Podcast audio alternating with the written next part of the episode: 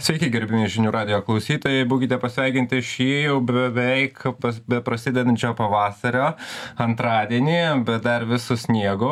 Ir žinių radio studijos šiandieną sveikinuosi aš, Mantas Mikočiūnas ir laida tarp keturių sienų.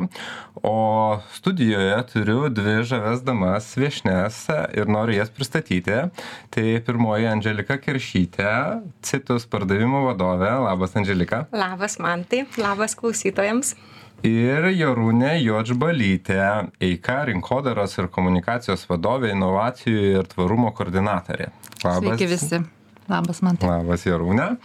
A, mūsų šiandienos laida yra tvarus būstas ir iš tikrųjų pirmas klausimas ir būtų, o kas yra apskritai tvarus būstas ir ka, ar yra kažkokia tai savoka, ar yra kažkoks apibendrinimas, kuris vat, apibūdintų, koks būstas yra tvarus ir kaip mes suprantam jį, ar tai yra kiekvie palikta kiekvieno improvizacijai.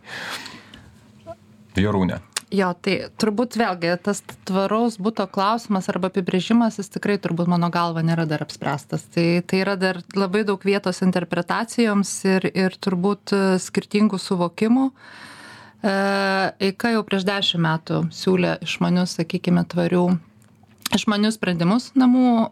Prieš porą metų mes e, pristatėme išmanų būstą jau tikrai integruotą su, su daug įvairiausių technologijų, o šiuo metu mes jau kaip tik pristatinėjame rinkai įrengtą tvarų būtą, kuriame galbūt mažiau yra tų technologijų ar ne, bet e, visas įrengimas ir visas komfortas jau yra paremtas e, tvaraus būto filosofija. Tai tai vėlgi sakau turbūt kol nebus bendro sutarimo rinkoje ar kažkokio reglamentavimo kas vis tiktai yra tvarus butas tai turbūt mes kiekvienas galime pasakyt kad ir ir šitas vystytojas stato tvarų ir šitas stato tvarų butą tai bet vis tiek yra turbūt tam tikri kriterijai. Viename sakykime savo mokymų cikle gavau praktinę užduotį pabendrauti su klientais e, mūsų e, išsiaiškinant koks jų yra suvokimas apie tvarų būstą ar ne. Tai nėra labai jau platus ir sakykime į toksai gilus supratimas ar ne apie apie tvarų būstą bet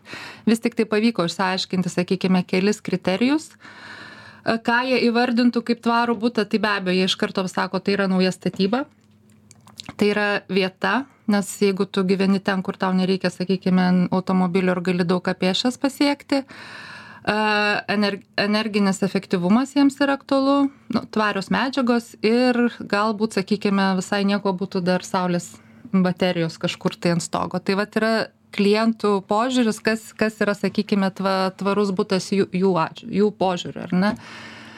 A turbūt iš savo pusės aš dar kiek ta tema domiuosi ir kiek kiek kalbant ne apie kvartalą apie apie kalbant apie konkretų butą ar ne kaip kažkokiame tai projekte name tai aš vėlgi pridėčiau to tvaraus buto filosofinius tokius turbūt elementus tai vėlgi pirmas dalykas procesas kaip tu įsirenginėji kokias medžiagas naudoji ir čia jau apdailos jo taip viskas apdailos ar ne? Ir antras dalykas kiek tu komfortabiliai gyvensi naudodamas mažiau resursų šviesa vanduo ir e, energija sakykime ir šiluma.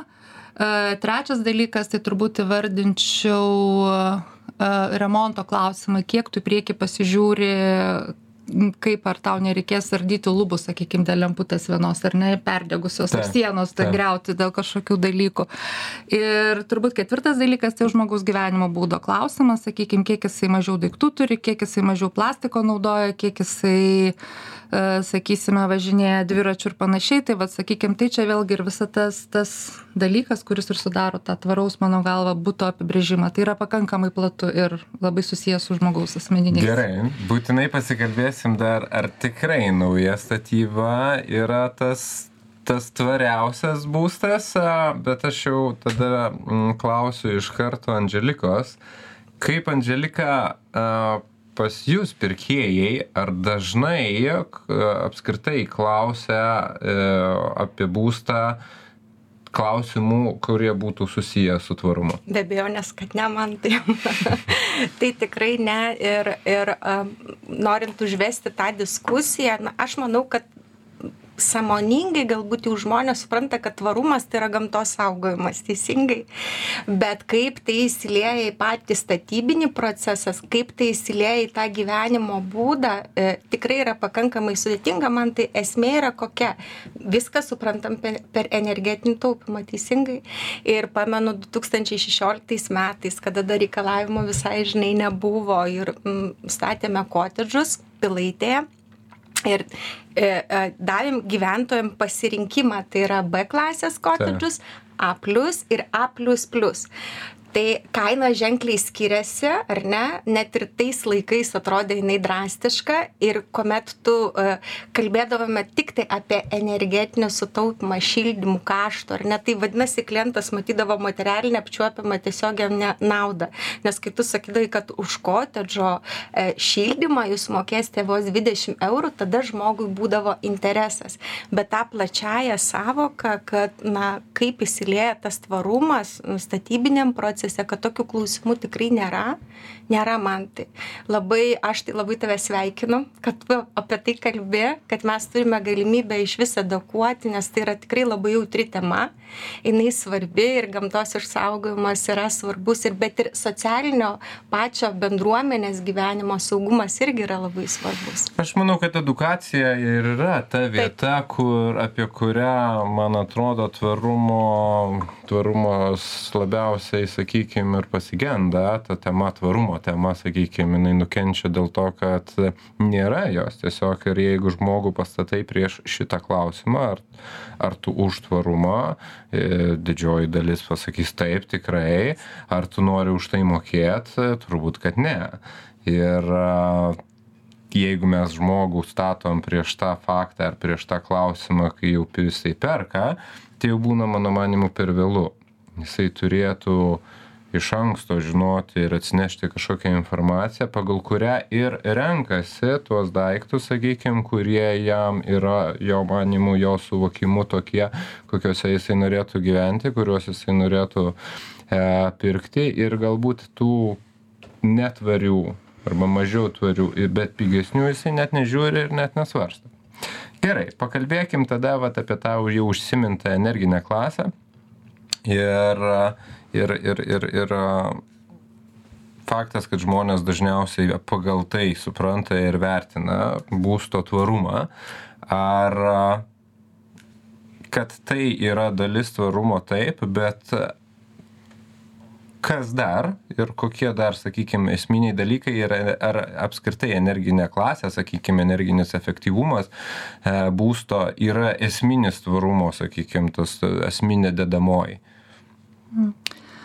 Vėlgi, aš turbūt sakyčiau, ne, energi, ne energinė klasė, o energinės, energetinės sąnaudos, turbūt, ką žmonės irgi, kiek aš mokėsiu šilumą, visiems, Ta. visiems yra a, a, aktualu ir, ir iš tiesų, vat, kai kalbi su naujo būsto klientais, tai uh, naujo naujos statybos ar ne nu sakykim mūsų klientais tai jie jau šilumos sakykime kaštų jau ne nebesureikšmina visiškai nes nu joje tikrai yra labai minimalūs ir ir ir jie jau labiau galvoja apie tai kaip kaip sakykime atsivėsinti arba arba arba vėdintis ar ne kur vėl irgi tam tikros sistemos rekuperatoriai yra kuriami tam kad žmogui kom komfortą su sukurtų ir ir panašiai Vėlgi turbūt tvarumo žmonės nelabai dar supranta kaip visokių e, įvairių socialinių dalykų, ar ne, ir tos bendruomenės kūrimo, ar ne, nesupranta turbūt, kad e, ir pačio statytojo ir kliento santykis jis irgi turi būti tvarus. Vėlgi tai yra sutartiniai įsipareigojimai, ar ne, kaip, kaip jie yra vykdomi, garantiniai įsipareigojimai, kaip jie yra vykdomi. Ir, ir Ir manau, tų tvarumo sudėdamųjų dalių yra, yra tikrai ne, ne, ne tas kainą elektrą, ką tu moki, ar ne, kaip tu komfortabiliai jautiesi, ar ne, kaip tu išėjęs į kiemą, ką tu matai, kokie, kokie yra, sakykime, urbani. E, landšaftiniai sprendimai, kaip tu jautiesi laukia, ar tu turi kažkokią tai erdvę savo. Tai vėlgi tai yra tų, tų dalykų, kuriuos, kurie žmonės būdami savo tarptų keturių sienų, jie, jie, jie dažnai neįvertina, jiems atrodo, mano sąskaita yra va čia svarbiausia, ar ne? Ir, ir aš jau prieš tai minėjau, kad iš tų, sakykime, bendravimo su klientu jau pastebi, kad mums nereikia automobilio, mes, mes gyvenam be automobilio. Mums pat šita vieta tinka centre, nes mes galėsim gyventi be automobilio. Pagrindinis vėlgi rūšiavimo šiukšlių kiek mes tų pozicijų pavyzdžiui suteikiam kiek įrengiam rūšiavimo ar ne nebeužtenka turbūt komunalinių popierių ir stiklo turbūt yra daug dar kitų tekstilės dalykai sakykime baterijos vėlgi kur tikrai didžiulė tarša tai tai čia vėlgi tai nėra labai sudėtingi dalykai ar ne ką ką būtų ga ką statytojas ar plėtotojas gali įrengti o žmogus tai įvertinti ar ne kaip tam tikrą ir ir jo paties turbūt gyvenimo būdo keitimą Mhm. pradi tą gyvenimo sakykime tvariai įgūdžių ugdymą. Tikrai taip. CO2 emisija. Toks dalykas, apie kurį, sakykime, aišku, klientai, pirkėjai dažniausiai nepagalvoja, kiek buvo sunaudota kažkokiam būstui pastatyti, įrengti. Bet mano klausimas jums, kaip tų vystytojų atstovams, kurie, kurie, kurie būtent kuria tvarų būstą, jūs savo marketinge nenaudojat šitų dalykų arba pavadinkim taip nebūtinai marketingo edukacijoje sakykim kiek buvo sunaudota to dalyko kad žmogų po truputėlį gal pratinti prie to kad jam pradėtų rūpėti kad jeigu mediena tai jinai iš kur? Kas iš kur ją atvežė? Kas kiek sunaudojo sąnaudų ją atvežti ją ją supjauti paruošti ir tada tiktai naudoti sakykim kaip kaip pavyzdys.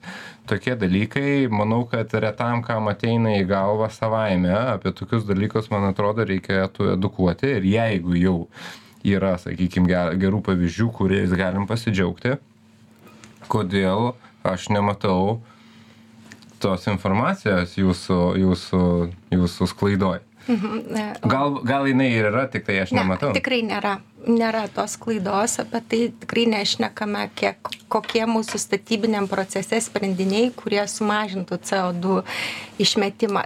E, supranti man, tai turbūt viskas vyksta organiškai ir natūraliai.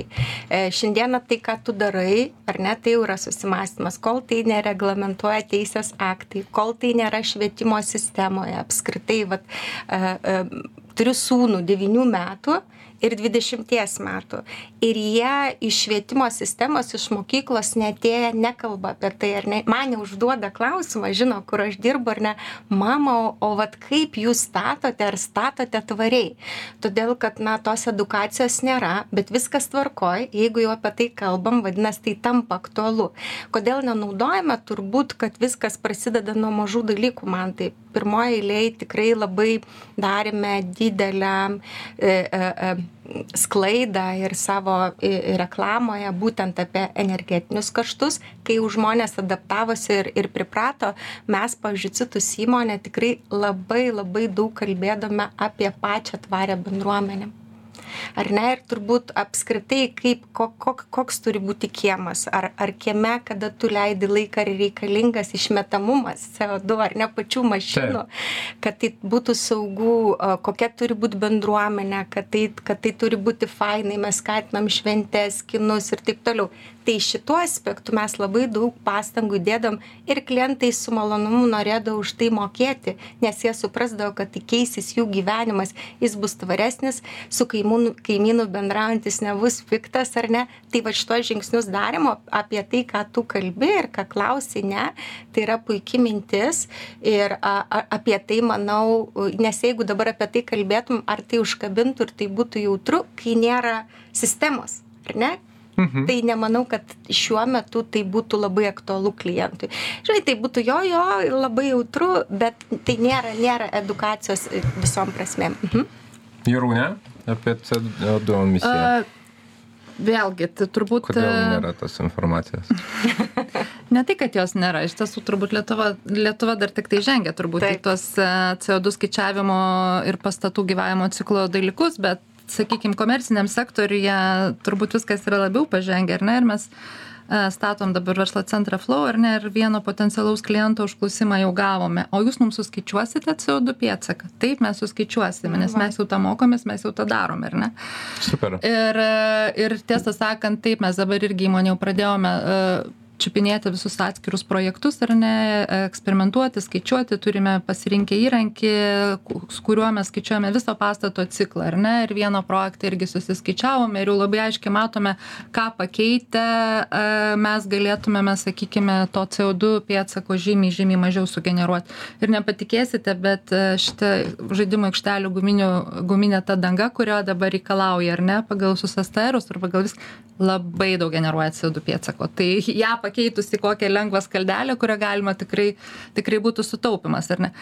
Tai aš manyčiau, kad e, dar žmonės kaip fiziniai asmenys turbūt yra žaidimų jau puikiai žinot, kiek va aš palieku CO2 pėdsako, ar ne? Ar čia ir Sebas buvo paleidęs programėlę ir kitą ir mes turbūt visi to žaidimus pažaidžiam, nes tikrai įdomu, jeigu tu tai mastai jeigu tu turi tą brandą, ar ne, ar kad apie tai galvoji kad vis tik tai neramu dėl pusantro ar dviejų laipsnių jau ar ne tos planetos klimato pasikeitimo. Kita vertus, paimkim tą edukaciją, mes sakykim, BRIM, BRIM sertifikatai komerciniam sektoriui irgi klausimų nekelia, ar ne? Dabar yra praktiškai Lietuvoje tikrai labai stipriai pažengus ir labai daug procentaliai yra sertifikuota pastatų, ar ne, su šito. Ir mes dabar irgi nesenai paskelbėme, kad sertifikuosime vieną savo projektą sorėse metų laikus.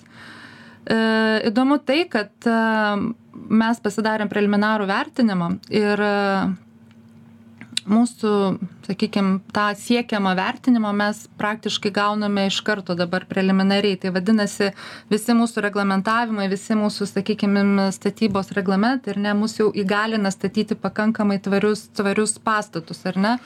E, ir vėlgi dokumentas kaip sakykim sertifikatas nes ar ar panašiai jisai taip jisai yra svarbus bet jisai mums dabar suteiks teisę iš tiesų tokią realią ne iš kažkokio piršto laužta su klientais kalbėti ar ne? Kodėl vat šitas sertifikuotas brim sistema pastatas kokią naudą jums turės ar ne? Ką jūs už tai gausite? Ką ką reiškia šitas visa kita tai galbūt va tokie nedideli žingsniai ateisime iki to kad nebe komercinis klientas klaus ar skaič suskaičiuosit co2 pėdsaką o Mhm. jau fizinis klientas okei ar turit sertifikatą o kaip čia bus viskas su šitais va dalykais ar aš galėsiu žinoti kiek tai čia žodžiu irgi manau kad laiko klausimas Bet jeigu surištų tai su, pavyzdžiui, reglamentas įstatymas ir surištų su palūkanomis, jeigu vat, būtent vystytojas a, kalba šitą temą, priema šitos dalykus ir gali a, mokėti mažesnės palūkanas, ar ne, klientas tada būtų motivuotas, suinteresuotas, jis dabar toksai paliktas viršui ir jis nesusigaudo, už ką aš čia mokėsiu, kodėl aš tą turiu daryti.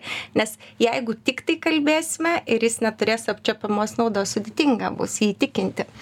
Tikrai taip. Ir va čia va ir mano sekantis klausimas ir buvo, kaip mes ar turėtumėm šitoje vietoje, ar turėtų valstybė šitoje vietoje įsikišti ir va vėlgi su to pačiu energetiniu efektyvumu mes kalbėjom, atsirado privalomumas statyti būtent e, nuo tam tikros datos, tik tai tam tikros klasės pastatus. E,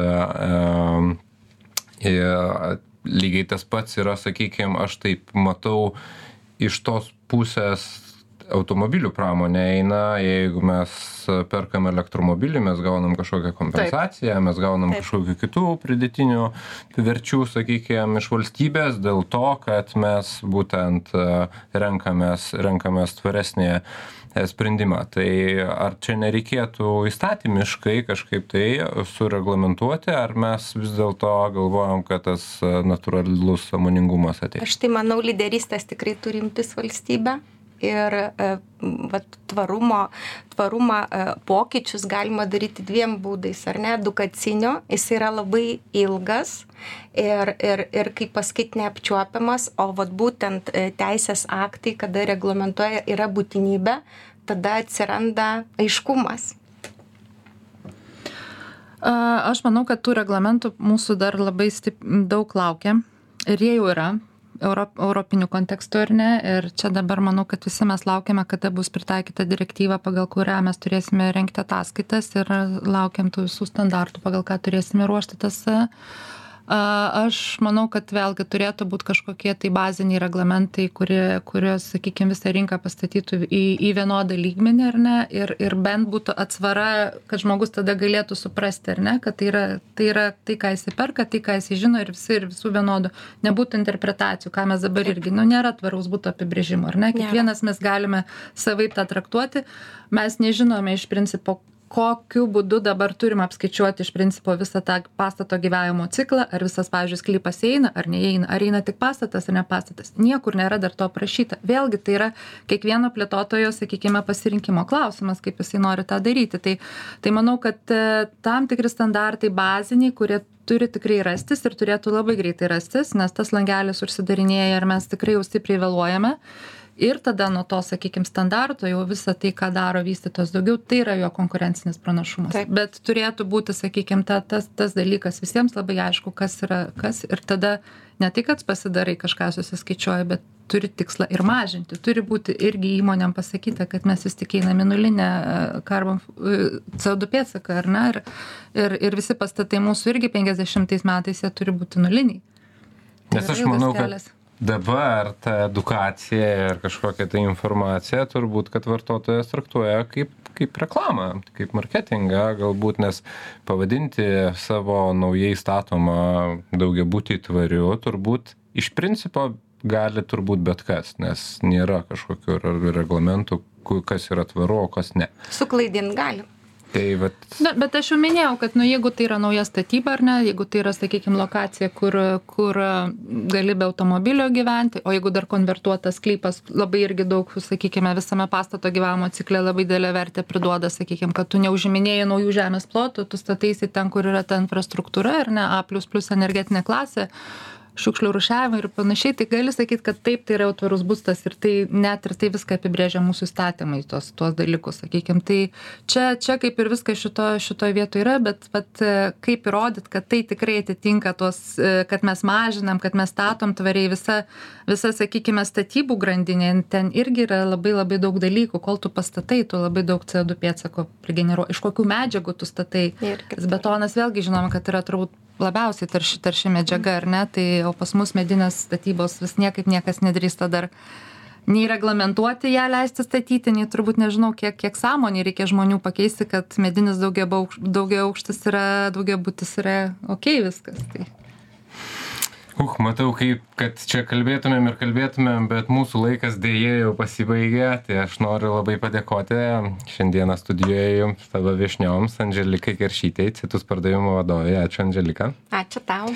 Ir jorūnei juodžbalytei eika rinkodaros ir komunikacijos vadovei inovacijų ir tvarumo koordinatorei ačiū buvo smagu ir įdomu ačiū visiems klausytojams ačiū mūsų svečiams ir aš mantas mikočiūnas ir laida tarp keturių sienų susigirdėsime kitą antradienį. Viso geriausio